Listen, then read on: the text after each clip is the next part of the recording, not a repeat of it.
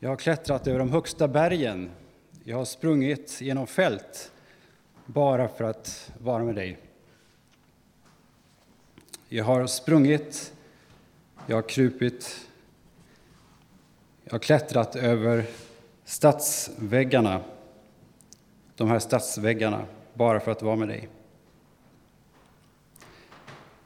Men jag har fortfarande inte funnit det jag söker.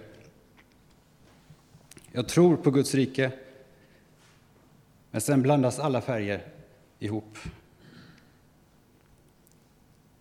Jag fortsätter att springa.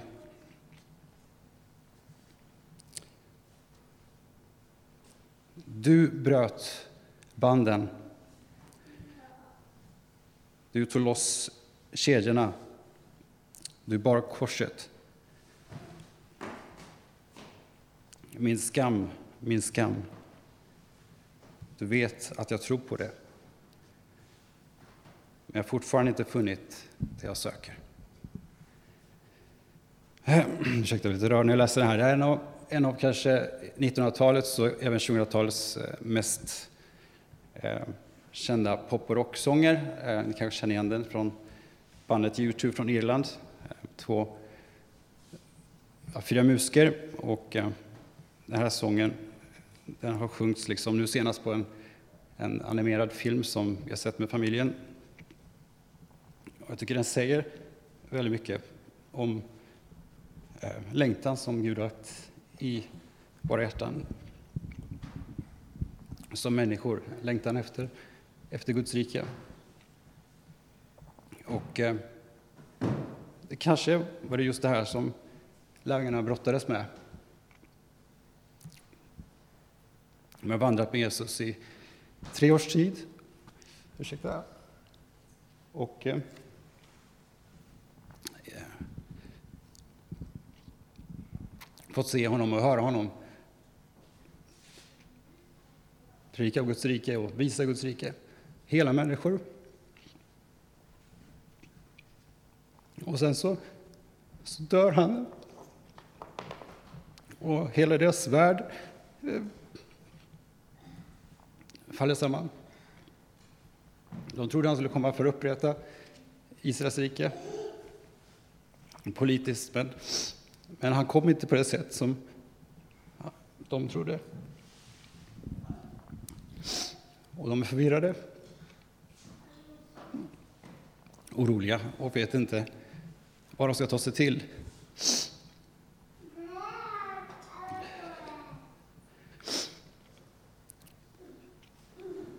Och även så på påskdagen ehm, så händer något och visar sig Jesus för, först för flera kvinnor som kommer till graven, den tomma graven. Och sen visar han sig för lärjungarna. Visar sig för Petrus som förnekat honom. Och han visar sig också för Emmausvandrarna som var på väg från Jerusalem till Emmaus. Och de har hört rykten om Jesus som har stått upp från de döda. Men de kunde inte tro på det. Och då kommer Jesus och, och vandrar med dem. Och eh, han korrigerar dem liksom och säger att varför tror ni inte på... Ja, varför, varför har ni så svårt att tro? Och som är början i vår tids bibel, i Moseböckerna, så lägger han sen ut eh, och förklarar hur Jesus är uppfyllelsen av, av profetierna och att han var tvungen att komma och lida och dö för mänsklighetens skull. Och då står det hur Jesus öppnar deras hjärtan och de får tro. Och det är som att deras hjärtan brinner. Och Jesus försvinner när de går där. Och då vänder de tillbaka. Ja, ursäkta, han försvinner inte helt. De följer hem. De ber Jesus komma med hem och när de sitter där hemma och äter och så bryter han brödet och då öppnas ögonen, står det. Då känner han igen att det här, det här är ju Jesus. känner igen när han har brutit brödet med dem tidigare. Och eh, precis då, när de känner igen Jesus, så försvinner han. De vet kanske inte vad de ska göra, så de går tillbaka till Jerusalem, till eh, de elva lärjungarna som är kvar. Judas hade ju förrått Jesus som bekant. Och eh, när de står där och berättar vad som har hänt, att det stämmer, det som kvinnorna berättade, att Jesus, graven var tom att Jesus måste ha uppstått. Och plötsligt så står Jesus där, mitt ibland dem. Och de är fortfarande helt förvirrade och vet inte vad de ska tro. Men då säger han så här. Medan de talar om detta så stod Jesus själv mitt ibland dem och sa till dem, frid var med er. Så det första Jesus ger och säger till lärjungarna, mitt i den här krisen, är att han ger oss sin frid. Och det är en av de största gåvorna som, som Jenny anspelar på här i början också, eh, som Gud vill ge oss människor. Det är sin frid. Han kom och skapade jorden för att vara i frid, men vi människor som vet vänder Gud ryggen. Men börjar med Adam och Eva, och sen har vi alla gjort det och gör det på olika sätt, tyvärr dagligen. Men Gud har lovat att han, han vill komma med sin frid. För några veckor sedan så hade vi värsta sjukstugan hemma. Vi hade både förkylning och maginfluensa för tredje ronden eh, den här våren. Både mars, april och maj. Och eh, vår yngsta grabb John han var mest drabbad. Var helt som ett vandrande spöke nästan, så tunn han var. Och eh, Theodor, andra grabb också, han var också väldigt drabbad. Ehm, och till sist däckade jag också. Eh, Lydia var också krasslig. Och som mitt i detta skulle eh, Jenny åka till Gotland och jobba på sjukhuset, så vi var helt förvirrade. Vad ska vi göra liksom? Och då bad vi tillsammans. Och eh, upplevde på något sätt att Gud sa att, eh, att eh, men det är lugnt, jag, jag kommer att förse, jag kommer att vara med. Ehm, så Jennifer bokade om flyget eh, på lördagnatten ehm, så hon åkte ett dygn senare, eh, på måndagen. Och eh, jag ställde in alla, alla jobbuppdrag den veckan i princip och var hemma med barnen. Och så gick ju måndagen och på kvällen så blev Lydia jättedålig. Så då var alla barnen dåliga och jag själv fortfarande kass egentligen. Eller inte så dålig som dygnet innan, men ändå dålig. Och så genomled vi liksom måndag till tisdag natten. Um, ehm, och på tisdagen så var det så märkligt, för då lugnade det sig på något sätt. Även om alla fortfarande var stapplande och, och så, så fick vi på något sätt lugn, fick på något sätt frid. Och jag förvirrad, liksom, var det verkligen, hur skulle vi lösa den här veckan? Men, men Gud gav på något sätt lugn i den här situationen. Och då påminner han om vad han hade sagt. Men jag sa ju att jag skulle vara med. Och eh, det var han.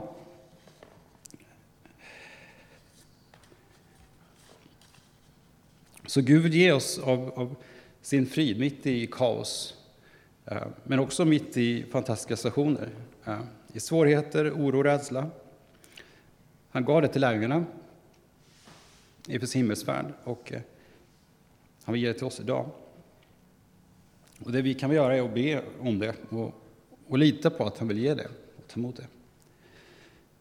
Så här skriver Paulus, en av Jesu lärjungar, som ju först, som vi känner till, var en ultrafiende till Jesus och förföljde Jesus och alla troende som fick ett enormt möte på en förföljelseresa och sen under flera år så ja, han, han mötte ju Jesus enormt och fick sen bearbeta om hela sin tro.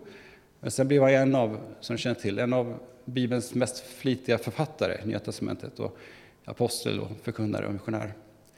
Han skriver så här, Herren är nära i Filipperbrevet Gör er inga bekymmer, utan när ni åkallar och ber, tacka då Gud och låt honom få veta alla era önskningar. Då ska Guds frid, som är mera värd än allt vi tänker, ge era hjärtan och era tankar skydd i Kristus Jesus. Det här är en av de bästa verserna jag känner till. Alltså, Naturligtvis är hela Bibeln viktig, men det här har betytt oerhört mycket för mig. Och eh, som också påminnes förra söndagen i gudstjänsten, eh, när Tobias predikade, så om bönen och bönens potential, eh, så får vi låta Jesus få veta alla våra önskningar. Det betyder inte att han svarar på alla våra önskningar på det sätt vi vill. Det var härligt också förra söndagen att få höra olika vittnesbörd ehm, om hur Gud svarar. Um, utifrån våra önskningar, ibland, ja. Men många gånger kanske inte alls. Men svarar kanske på ett helt annat sätt. Kanske på ett ännu bättre sätt än vad vi kan tänka. Men det vi har fått och det som jag tycker är starkt är att vi kan få ge alla önskningar till Gud. Och det han har lovat är att han ska ge vår frid. Det är liksom fundamentet. Det är svårt att rangordna alla Guds gåvor, men skulle jag välja ut en så håller jag med nu här. Det här är nog den viktigaste gåvan Gud kan ge. Få frid med Gud. Det var det Luther brottades med också för fem år sedan drygt. Hur kan jag få frid med Gud? Han kämpade på olika sätt. Till sist så fick han uppleva också från Paulus brev att jag kan inte göra någonting för att få Guds frid. Det är en gåva genom tron.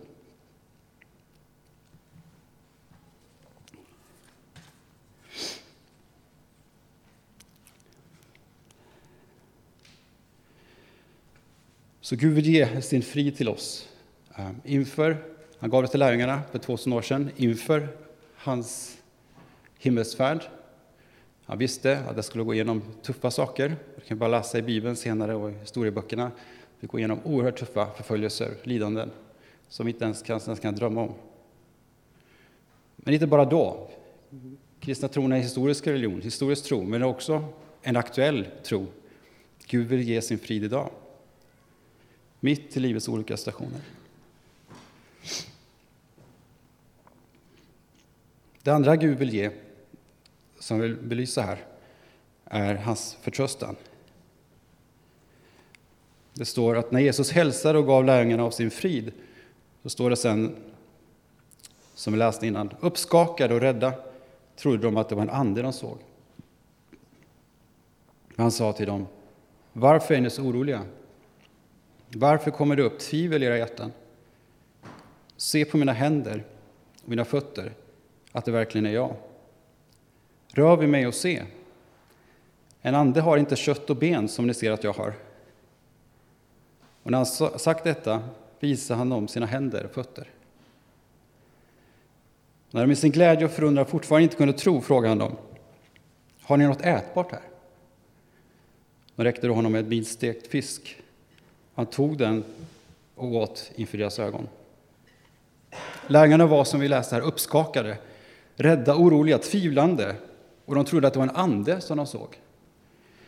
Att det verkligen var Jesus med fysisk kropp, det kunde inte gå in i deras världsbild. Som judar trodde de att människorna, eller det var olika läger, en del trodde att det fanns en uppståndelse vid tidens slut. Andra trodde inte på en uppståndelse. Men att tro på en uppståndelse vid tidens slut, det var liksom rimmar det med deras världsbild, det är den judiska tron. Men att någon skulle uppstå mitt i livet, som Jesus gjorde, det skar sig liksom. Och då frågade Jesus dem, varför? Varför är ni oroliga? Varför tvivlar ni i era hjärtan? Och han uppmanade dem att röra vid honom och se med sina egna ögon. En ande har inte kött och ben, som ni ser att jag har. Han hade en fysisk kropp, det var inte bara en hallucination, det var inte bara en syn, det var hans fysiska kropp med kött och blod. Han visar dem sina genomborrade händer, sina fötter, hålen från spikarna på korset. Det finns också kända konstverk man kan titta kring detta, hur Thomas, tvivlaren, får komma till och med stoppa fingret i, i eh, landshålet där den romerska soldaten hade stuckit hål för att verkligen försäkra sig om att Jesus är dött fick Thomas komma och känna på det. Lärjungarna fick se, fick ta på honom. Men trots detta, så de var liksom fortfarande förvirrade, lärjungarna. Både av glädje, men också förundran. Men de kunde fortfarande inte tro, står det. Och då la Jesus in en andra växel. Och han bad dem om något att äta. Har ni något att äta? Och så fick han en bit stekt fisk. Som sagt, och som man säger, en ande eller spöke kan ju inte äta som en människa med en fysisk kropp. På det här sättet så ger Jesus fysiska bevis till lärjungarna för att han faktiskt uppstått. Och att, han, och att de skulle kunna förtrösta på att han var Herren, att han var Herre överallt. Och den förtröstan vill Jesus ge oss idag också, även om vi lever 2000 år senare. Han vill ge oss övertygande möten på att han är verklig och som leder till en förtröstan på Gud. För egen del så har det varit många möten med Jesus i livet eh, och en process eh, i att lära känna honom som också lett till förtröstan. Eh, upp och ner, ibland starkare förtröstan och ofta svagare. Från när jag var barn så växte jag upp i en familj med troende föräldrar och syskon som också ville vandra med Herren. Mor och farföräldrar som också var troende och en del i släkten och vänner. Så det var naturligt för mig att tro eh, på Gud i, i eh, livet som barn och i början på tonåren. Men under tonårstiden, kanske som många, så var det en berg och på olika sätt. Eh, tron och förtröstan på Gud fanns där. Jag trodde att Gud existerade och fanns och ville väl. Men det var en brottning, inte minst i relation till kompisar, både i högstadiet, jag gick på internatskola i Japan, en svensk sådan. Både, många var ju uppväxta i kristna familjer, men några var inte det. Och det var mycket som drog åt olika håll, både mot Gud och från Gud. I gymnasiet så gick jag tekniskt program i, i, i Partille utanför Göteborg och där mig vetligen så var det jag och en till, möjligen två till, som var kristna, av kanske 30. Och där ifrågasatte de mig liksom, och, och, och, vi hade diskussioner på vägen hem från skolan många gånger, jag och några kompisar. Hur kan du tro på Bibeln? Liksom? Hur, hur, när den säger detta och detta? Och, jag hade ju verkligen inte alla svar, men fick fråga vidare och, uh, uh, och brottades själv. Men i den här processen, um, och senare, så var det ett antal pusselbitar som Gud gav mig, som stärkte förtröstan på honom. Och en av dem var ett avgörande personligt möte med Gud innan lumpen.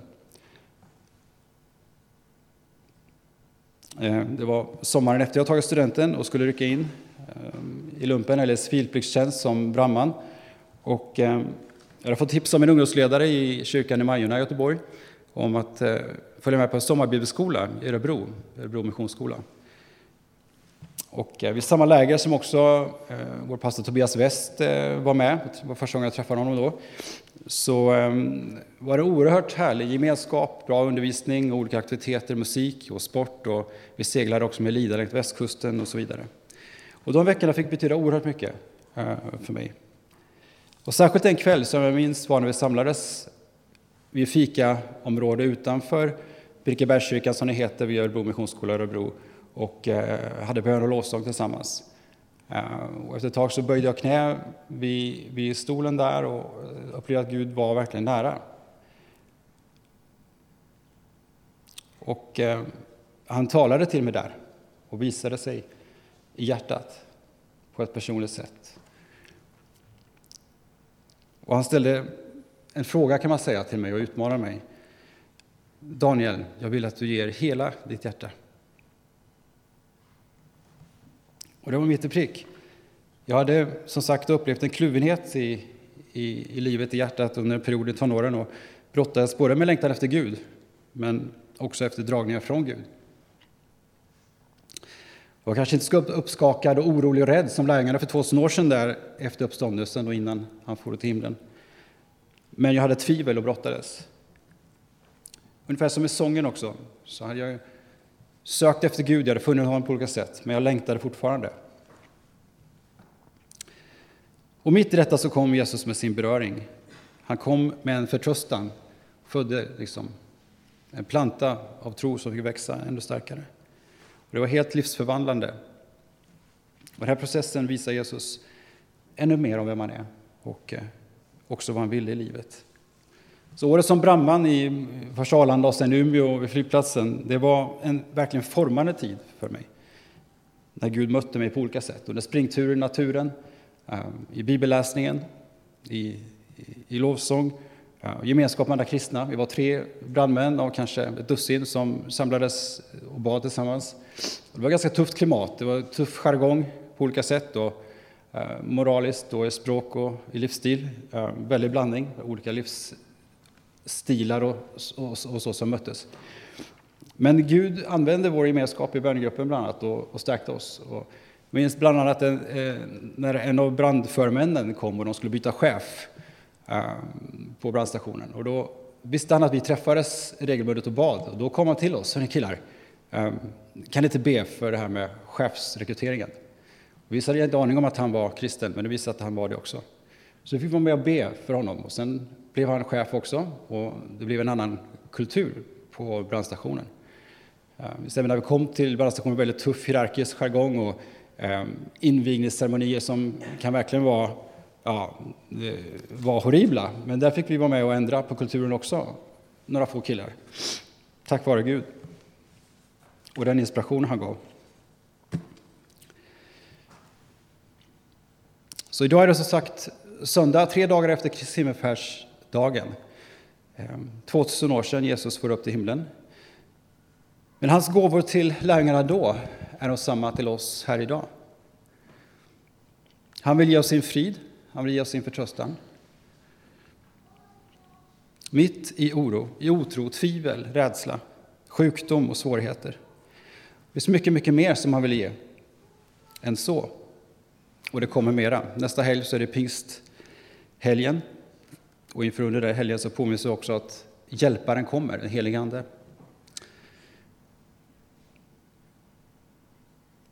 Och I texten som vi läste tidigare i både Lukas och Apostlagärningarna så ger Jesus flera andra saker. Vi uppmuntrar er att läsa de texterna igen. Jag valde bara ut två av många idag. Guds frid och förtröstan. Så mycket mer som han vill ge.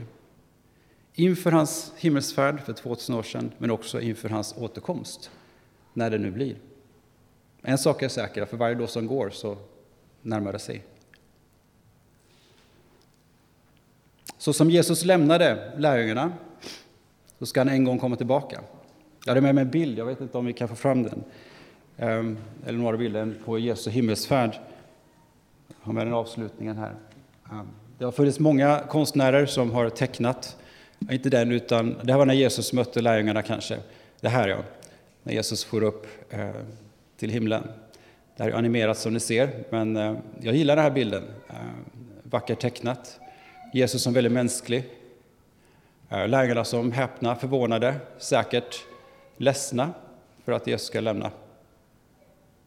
Men då har han gett oss sin frid och sin förtröstan och löfte om hjälparen som kommer. Kan jag ta nästa bild? Den är också mäktig. Där ser vi himlen, Jesus som tittar upp mot Fadern eh, i himlen. Jag vet inte om det kommer bli exakt så här när Jesus kommer tillbaka. Eh, konstnärerna var ju inte där när, när lärjungarna eh, fick se Jesus fara upp, men de har försökt illustrera det. Men en sak är säker, jag tror att det kommer bli mäktigt. Och eh, Gud kommer ge och vill ge ännu mer av sin frid och sin förtröstan eh, inför det. Vi ber Herrens välsignelse tillsammans. Herren välsigne oss och bevara oss. Herren låter sitt ansikte lysa över oss och vara oss nådig. Herren vände sitt ansikte till oss och ger oss sin frid. I Faderns och Sonens och den helige Andes namn. Amen.